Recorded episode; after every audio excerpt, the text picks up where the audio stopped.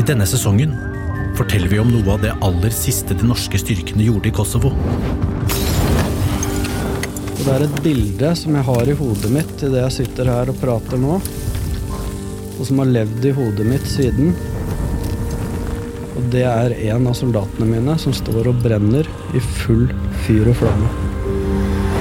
Våre historier, en podkastserie fra Forsvaret.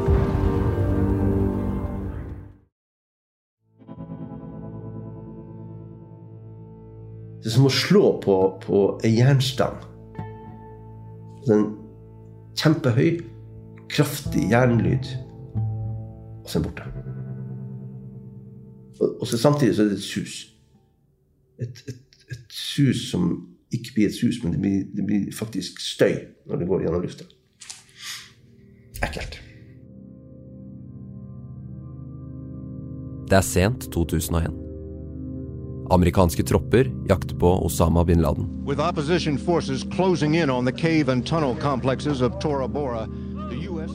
I løpet av et par høstmåneder skulle det lette fotavtrykket være sikret.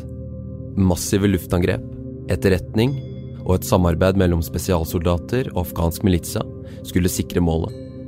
Bekjempe Taliban, knuse Al Qaida og få på plass en leder i Afghanistan som var på lag med Vesten. Hamed Karzai 1295 rei. Men det var ikke så lett. Fjellandskapet som skjulte verdens farligste terrorist, var tøft og nærmest ugjennomtrengelig. Du hører på historien om Afghanistan, episode 2, i skyggen av sjeiken. Jeg heter Thomas Haraldsen.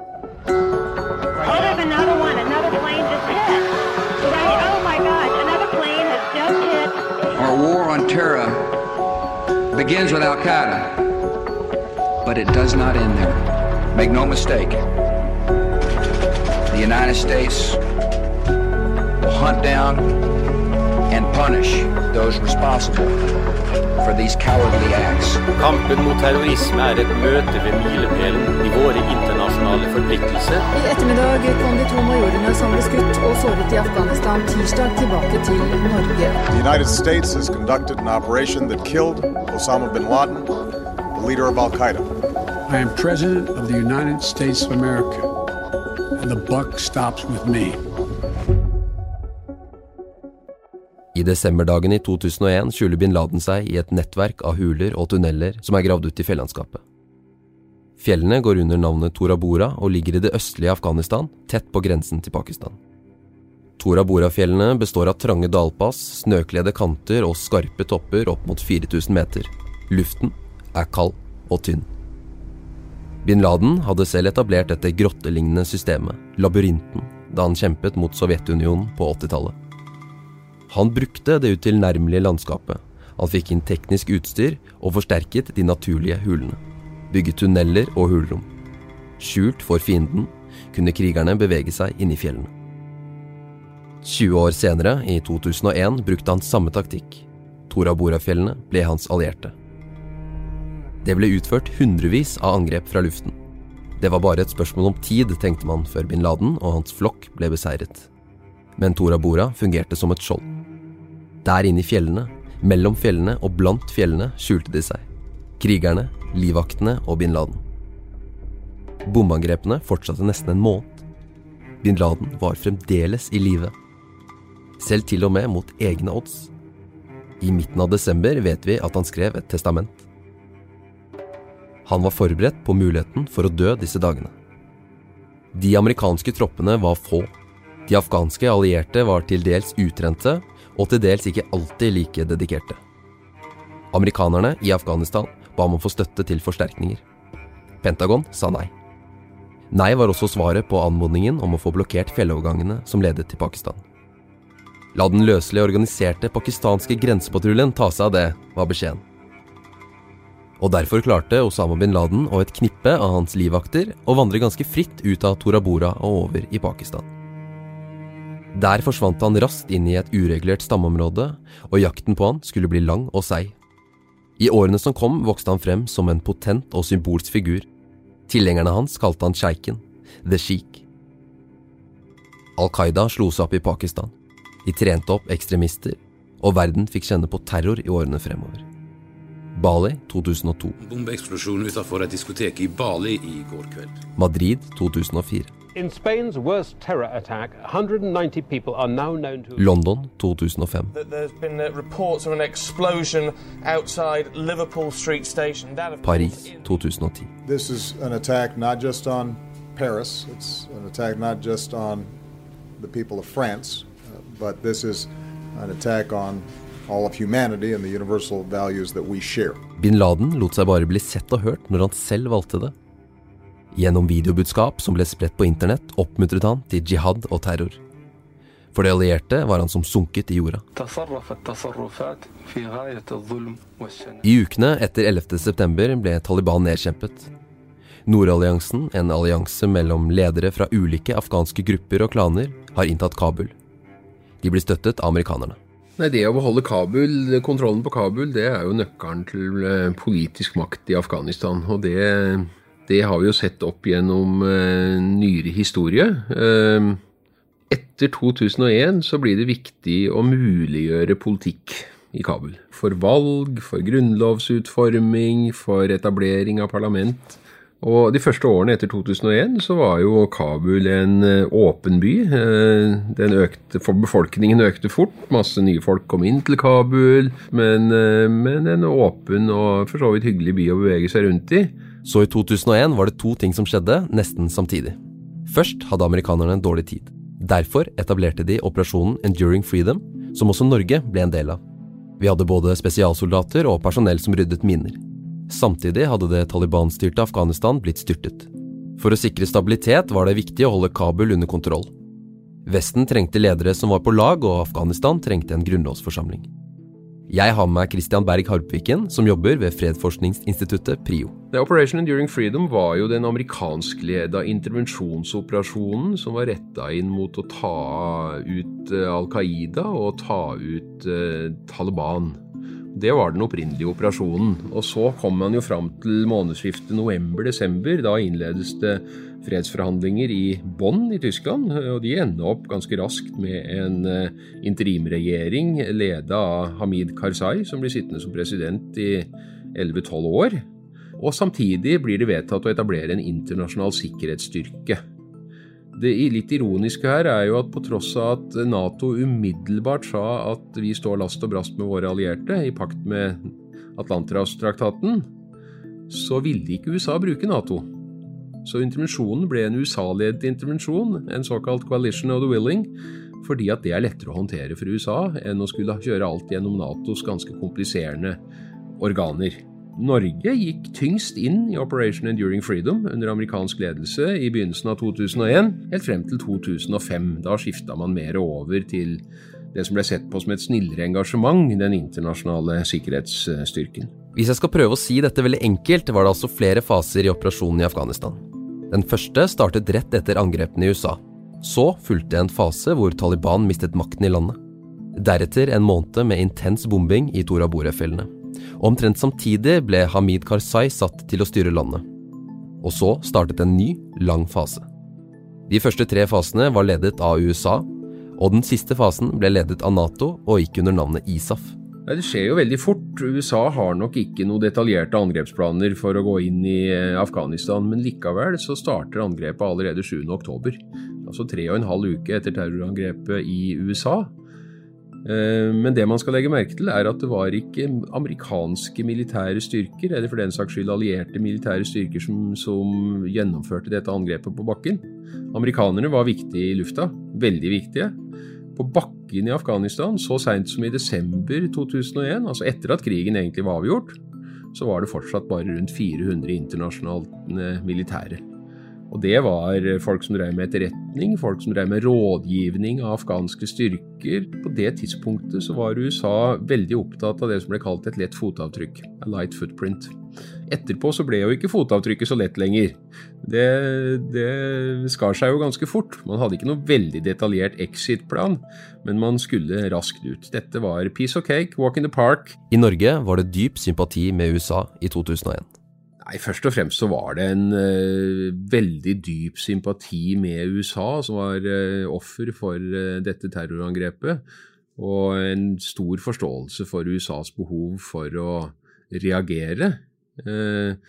Så jeg vil nok si at det var noe nær en tverrpolitisk enighet, men når det gjaldt Afghanistan-intervensjonen i 2001, så var det bred enighet både politisk og i befolkningen for øvrig.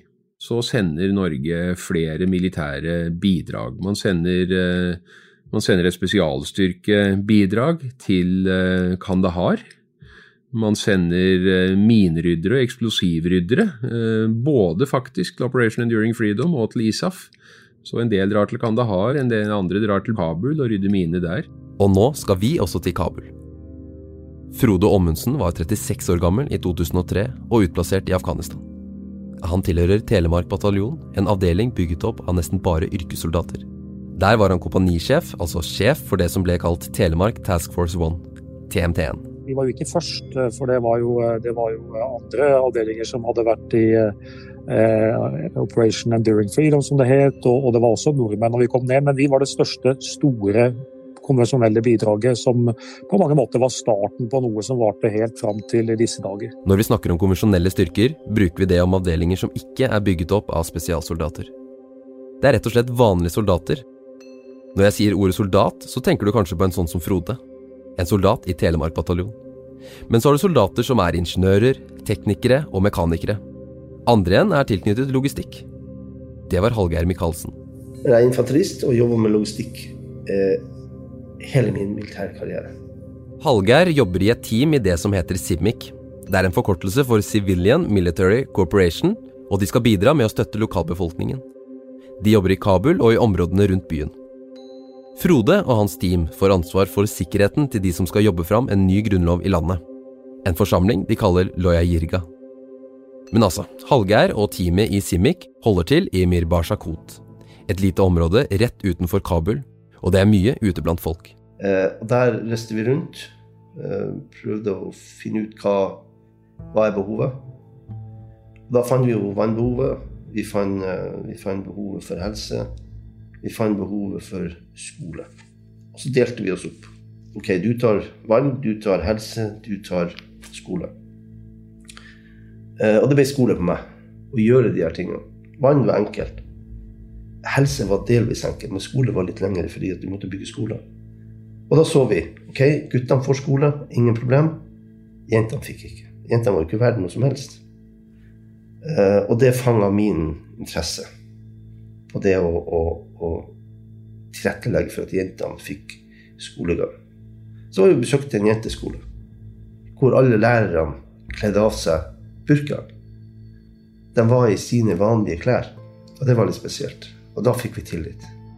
Det høres kanskje fredfullt ut å bygge opp lokalsamfunn, men hverdagen var full av farer. Og på et øyeblikk kan en vanlig dag bli til en kamp mellom liv og død. Ja, og så, så går jo det Vinteren går, og det blir vår. Uh, nydelig i Afghanistan, men det var jo mine overalt. Hele Shamali Plain, som det heter der oppe, var dekt av mine. Det var sånne stier vi kunne gå. Helst ikke kjøre bil i det hele tatt. De norske soldatene som var på oppdrag i 2002-2003, var en del av den store ISAF-styrken. De hadde base primært i Kabul. Oppdragene deres varierte. De forteller om vanlige hverdager, men med en evig nerve. For Frode og Telemark-bataljonen var det en uoversiktlig situasjon i starten. Eh, så ble det et økt fokus på spesifikke ting som det vi kaller stridsteknikk. Altså, altså hvordan man opptrer eh, som soldat i situasjoner. Hvordan man betjener sine våpen, hvordan man opererer, opererer i grupper, sanitet osv. Samt spesifikk kjøretrening. Eh, for det var jo en spesiell trafikksituasjon der nede. Eh, opptreden, eh, strid i bebygde områder. Kabul er en kaotisk by. Det er bråkete. Og når det er varmt, er det veldig varmt. Når det er kaldt, er det iskaldt. Man hadde nok bygd opp et bilde at det var, at det var enda mer sånn hektisk. Men det var et svært krevende trafikkbilde. Det var noen ødeleggelser. Veldig mye lyd i gatene. Veldig mye lyd i gatene, og, og, og sterke lukter. Det var mye søppel rundt omkring, men også, også blide folk. Og så ligger jo Kabul ganske høyt over havet. Og man fyrer jo da med ved og kull i stor grad, så det blir en sånn umiskjennelig lukt. Og det var mye støv det oppdraget det utvikla seg i, i, perioden. Så var det jo først og fremst å dra ned og være en sikringsstyrke rundt den store Loyairgaen, eller Constitutional Loyairga som, som det ble kalt. og Litt sånn populistisk så beskrev jo det som en afghansk versjon av Eidsvoll 1814. Eh, selv om det overhodet ikke kan sammenlignes sånn sett, men det var jo, handla jo om å få, få på plass en, en grunnlov. Så altså, de norske soldatene skulle være ansvarlig for sikkerheten når forsamlingen i Kabul skulle lage en ny grunnlov. Denne prosessen kalles loyirga. Det er et begrep som brukes om møter mellom ledere i landet, og en skikk som er over 1000 år gammel. En loyirga har ingen tidsbegrensninger, man fortsetter rett og slett å møtes til man er enig. Én ting var det militære oppdraget nordmennene hadde. Samtidig var de et fremmed land. Smakene, luktene og hverdagslivet var rett og slett annerledes. Altså, vi etablerte jo så inn i, i hovedbasen vår, der hvor mesteparten av kompani, kompaniet var under Norega. Vi kom jo inn i en, en leir som da var drevet eh, bl.a. Av, av italienere. Og det var de som hadde kjøkkendriften. Eh, og, de, og, Italia det er jo kjent for eh, kulinariske retter, så man skulle tro at det var jo selvfølgelig det beste som kunne skje. Eh, utfordringen ble jo da at sånne søte kaker og kjeks og, og en, en, et høyt tempo var ikke nødvendigvis den beste kombinasjonen for robuste norske soldater. Så, så, så dette, ble, dette, løste seg da etter hvert når, når, vi fikk etablert et eget, eget, kjøkken. Så her var det på en måte litt sånn, litt sånn kulturkrasj om frokostvaner. Eh, det var mye stridsrasjoner som ble spist, eh, som ble spist i den perioden. Telemark-bataljonen fikk oppgave med å støtte afghanerne og sørge for sikker gjennomføring av Loya Jirga. Prosessen skulle gjennomføres av afghanerne selv, men Frode avdelingen hans hadde ansvar for å sikre at det gikk trygt for seg. De var såkalt first responders, dvs. Si at de sto klare til å rykke ut og bistå afghanerne ved behov. Loegan hadde, hadde, jo mange afghanske aktører, og afghanerne sjøl hadde først og fremst ansvaret for dette. Det, det var et svært streng kontroll på området, hvem som kunne være der inne eh, og ikke. Og, og som, som, da eh, kall det first responders, altså de som skal ha stå førsteresponsen, eh, så måtte vi holde en ganske lav profil. For du måtte jo holde deg klar. Du måtte trene, men du måtte også gjøre dette på en måte som gjorde at du ikke kaller provoserte inn i et svært sensitivt oppdrag som, som afghanerne da hadde på, pålagt seg selv, for å, for å prøve da å få til. Det kan være vanskelig å skjønne helt hva de måtte forholde seg til, soldatene på oppdrag. Midt inne i byen, blant kvinner, barn og markedsplasser hvor mennesker levde sine hverdagsliv, må de være årvåkne og berette hvis en situasjon oppstår. Hva er prosedyren å følge hvis noen starter å skyte inn en folkemengde? Og hva gjør de hvis en bil kommer kjørende ukontrollert mot dem? Det som var veldig nytt for veldig mange av oss, var jo det at uh, dette skjer jo da midt inne i en by. Uh, slik at du, du må hele tida tenke på hva er det faktisk du kan gjøre i forhold til å respondere når det er så mye folk rundt deg. Du kan havne i situasjoner hvor du ikke nødvendigvis kan gjøre det som du, du, du ville ha gjort hvis det hadde vært mulighet til å, til å, skyte tilbake. Så må du kanskje ta andre hensyn, for det, at, det er altså folk både bak deg og foran deg. Kanskje ikke minst også måten du grupperer deg på. Altså hvordan, hvordan, hvor du er og hvor du ikke er. Og, og, og det å se situasjoner før det skjer. Litt av det som gjorde Loya Irgan så, så, så kompleks, uh, var, var, var, akkurat det. Så Loya Irgan var jo høyprofilert på alle måter. Det var historisk, historisk hendelse. I januar 2004 blir den nye grunnloven i Afghanistan underskrevet. Telemark-bataljonen blir tildelt en medalje av president Karzai for oppdraget. Den henger på veggen hos avdelingen den dag i dag. Vi er tilbake i området utenfor Kabul. Hallgeir og makkeren Geir Ove er på et vanlig oppdrag. Og på oppdrag skal man ha med seg sikkerhetsfolk. For Hallgeir og de andre var det franskmenn som skulle stå for denne sikkerheten. Noen ganger misforsto de hverandre pga. språket, og møtepunktene eller avtalene ble litt sånn lost in translation. De skal møte en general fra Nordalliansen for å se hva de kan bidra med til lokalsamfunnet. Dagen begynte med at vi kjørte ut fra Kabul. Vi var veldig usikre på om vi skulle fære, fordi det var en høytidsdag. Så, så vi kjørte jo på nordsida opp fjellene, inn på Shamali Plain, som det heter, den store sletta vi visste da at det eneste vi skulle gjøre den dagen før vi skulle kjøre hjem igjen, det var å ha et intervju med den eh, afghanske generalen. I forhold til hvordan han ønska at vi skulle ekte i det området. Og så kunne vi da gi tilbakemelding til ISOF-sjefen og hans stab på hva det var behov for. Det var, det var assessment. Folk uh, hilste, unger vinka, men det var når vi kom til, til der vi skulle ha intervjuet, um, og, og, før vi begynte assessmentet, så var det helt stille. Det var ingen, foruten to små gutter, som kom med, med radio og ville at vi skulle følge, høre på radioen deres. Og det var litt merkelig, men, men vi tenkte ikke mer over det. Tenkte ok, sånn er det her. Det er rolig. Hallgeir og makkeren hadde avtalt møte med en som het Ibrahim et par dager i forveien. Ibrahim var en av livvaktene til generalen. Det var han vi avtalte det møtet. Noen dager før. Nei, Han var helt rolig. Han gikk opp på taket, ruinen, og patruljerte og hilste til oss og smilte. og uh, vi, var helt, vi følte oss helt trygge. Helt trygge. Uh, og vi jobba jo sånn at vi, vi gikk jo ikke med våpenet høyt. Med full uh, full uniformering, om jeg skal si det på den måten. Vi hadde jo altså Nordalliansen sine, sine folk var jo i ytre sikkerhet. Ikke indre, men ytre sikkerhet. Så de stolte jo på ham. Og det skulle de jo faktisk ikke ha gjort. Plutselig hopper Ibrahim ned fra taket. Fra 30 meters avstand løsner han et skudd mot de norske soldatene. Nå står Hallgeir i skuddlinjen. Lyden av den første kulen suser forbi. Så snur jeg meg, for da skjønner jeg begynner å skjønne hva som skjer. Så tar jeg ned handa mot Jeg hadde jo bare glokk. Um, og på vei ned etter våpenet mitt og snur meg, og så får jeg neste eh, i ryggen. Og da treffer han sånn millimeter fra ryggraden. Midt imellom to ribbein inn, men så river han med seg noen ribbein ut. Og da tenkte jeg Jeg gikk jo på knær, og så datt det fremover. Og så, tenkte, så hører jeg skudd til. Eh, og da er det Geir Ove, altså makkeren min, som, som, blir tatt. Han får bare et sted, for han er oppe og henter radioen og skal si ifra at nå er vi under, under ild. Og det var så uvirkelig. Og Ibrahim, eh, han som, som skjøt, han var da flyktning fra Pakistan. Kommet tilbake, fått seg jobb. Jobben hans var sikkerhetsvakt, punkt én, men han var også kokk. Å være kokk som mann i Afghanistan, er ikke en god sak. Det var nedverdigende. Jeg detter fremover, og så kjenner jeg lufta går ut av meg. Det er det første. Det er akkurat som at du får uh, Du får en knyttneve i ryggen. Samtidig så får du en knyttneve i magen.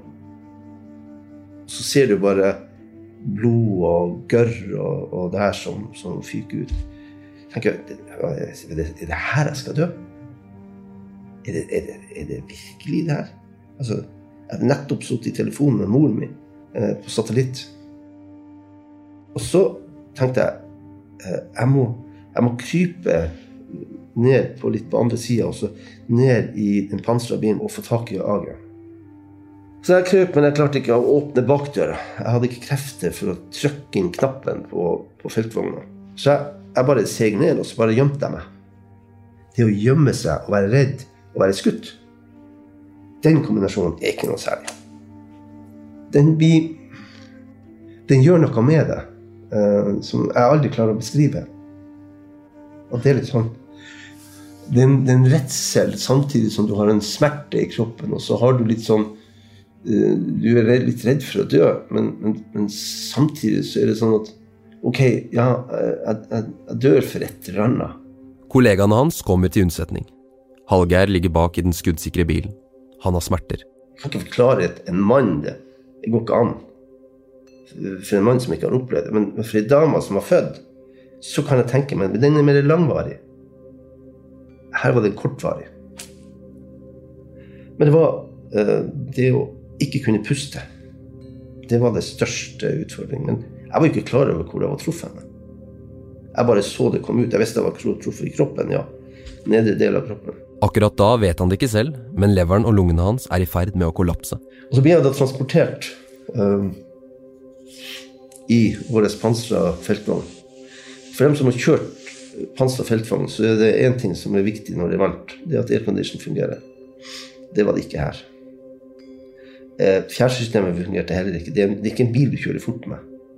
I hvert fall ikke på sånne dirt roader. Eh, så jeg lå jo og hoppa der bak mens jeg lå ned, og så hadde jeg tolken han hadde sånn ja, ISAF hadde gitt ut en sånn liten avis som skulle gi til lokalbefolkningen. for som leste. Den satt han og vefta med. Og han var da eh, eh legestudent. Sant? Og var likblek. Han var jo den som faktisk hadde mest behov for omsorg. Ikke meg. Hun torde ikke å ta av meg uniformen engang. For jeg visste ikke hva skade jeg hadde. De kommer frem til et lite, lokalt sykehus. Og da lå jeg på den smale, smale um, båra. Da. Men, men, da hørte jeg de her, de her kvinnene som, som uh, heiv av seg burkaen. De lager sånn lyd med leppene, eller med tunga. Uh, og det er sånn sorggreier. Du får det i begravelser, og du får det sånn Da er det sånn hyling. Og, så med, og da sto de etter hvert som de bar meg inn, vet du. Så, sånn. Helt rart. Helt rart. Det, altså, det er jo bare en, det bare en halvgris fra Båtsfjord. Og så landa jo helikopteret, og så ble jeg tatt opp på bakluka på helikopteret. Eh, og så står det noen tyske soldater foran meg, og så eh, sier de et eller annet på tysk. Jeg, jeg vet pokkeren hva det. Og da fikk jeg eter. Sånn jævla stygt. Fy faen, for en lukt. Uff, fysj. Uh, en klut over ansiktet, og borte var. Hallgeir blir fløyet til Kabul og operert på militærsykehuset. Eh, det er en kirurg, nederlandsk kirurg som heter Idenburg. Han jobba jeg med for å Vi laga ei pasientbru fra eh, de områdene vi jobba Vi jobba i to områder, det her elementet. Og så var det faktisk Idenburg som opererte meg. Helt spesielt.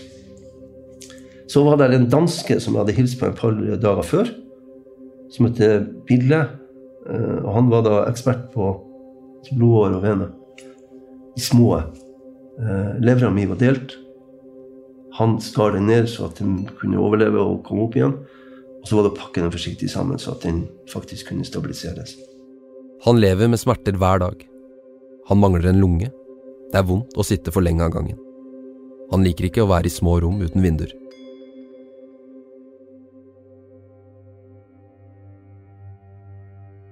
Tonight, I can report to the American people and to the world that the United States has conducted an operation that killed Osama bin Laden, the leader of Al Qaeda, and a terrorist who's responsible for the murder of thousands of innocent men, women Du husker kanskje bildet. Obama sitter bakerst til venstre i sitt forsonsrommet med skjortekragen åpen. Sammen med amerikanske generaler og staben sin har de alle øynene festet på skjermen som sender direkte fra operasjonen. Bin Laden var en sagnomsust skikkelse man visste ikke engang hvor høy han var. I årene som ledet opp til mai 2011, var han som sunket i jorda. Men han gjemte seg rett foran øynene til verden. Med bare noen få mennesker rundt seg levde han i et boligkompleks rett utenfor den pakistanske byen Abbottabad. I nattemørket den andre dagen i mai fløy amerikanske spesialsoldater i helikoptre inn over pakistansk luftrom. De tok seg inn i boligkomplekset og utførte operasjonen Neptune Spear. Bin Laden ble drept. Soldatene meldte over sambandet Geronimo, kodenavnet som bekreftet at det var bin Laden de hadde tatt ut. Kort tid etter raidet ble bin Laden gravlagt til sjøs etter muslimsk, tradisjonell skikk fra det amerikanske hangarskipet USS Carl Winston. Eh, jeg vet ikke om Billy lever i dag. Eh, men Edinburgh lever. Og eh, vi hadde en runde, jeg og min lille familie, da, som de som var tettest på og yngste. Og, og kona mi reiste ned til Brussel og uh, for rundt og takka. Uh, tyske forsvarssjefen for lånet av fly. Uh, nederlandske uh, marinekorpset for bruk av Edinburgh, for han var kirurgen deres, egentlig. Uh, så hadde vi en som nå er i Sverige, som heter Bjørnar, som var med de norske spesialstyrkene og monitorerte hele biten min uh, fra Afghanistan opp mot Norge for å få koordinert alt sammen. For det var mye som måtte koordineres. Uh, Så jeg, jeg for rundt og, og takka. Hallgeir reiser hjem til Norge etter å ha blitt skutt i Afghanistan. Landet han reiser fra, har fått ny grunnlov, men kampen for fred og stabilitet har så vidt begynt. De norske styrkene går harde og brutale kamper i møte. De håndgranatene de traff jo tilfeldig rundt omkring på gårdsplassen. Og så er jo en, en håndgranat han er ganske grønn, og de, og de steinene var lyse. Så, så du, du, greide å skille på en måte en håndgranat ut ifra, fra stein. Og, og, og liksom, sånn sett så hadde du liksom litt kontroll på, på hva som var håndgranat og ikke håndgranat. Neste episode hører du om en uke, der du vanligvis lytter til podkast. Har du spørsmål eller innspill til oss, send oss en mail på tharaldsen.alfakrøll.mil.no. Historien om Afghanistan er laget av Kristine Hellesland, Hege Svanes, Fredrik Tandberg, Renate Gjerald, Anders Fjellestad og meg, Thomas Haraldsen. Lydetterarbeid er av Fridtjof Nilsen. I denne episoden har vi hentet lydklipp fra NRK, CNN, BBC og nyhetsbyrået AP.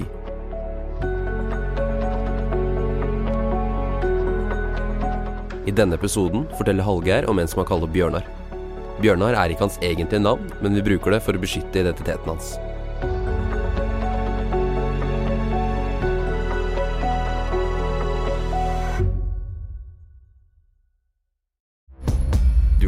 En podkast av Forsvaret.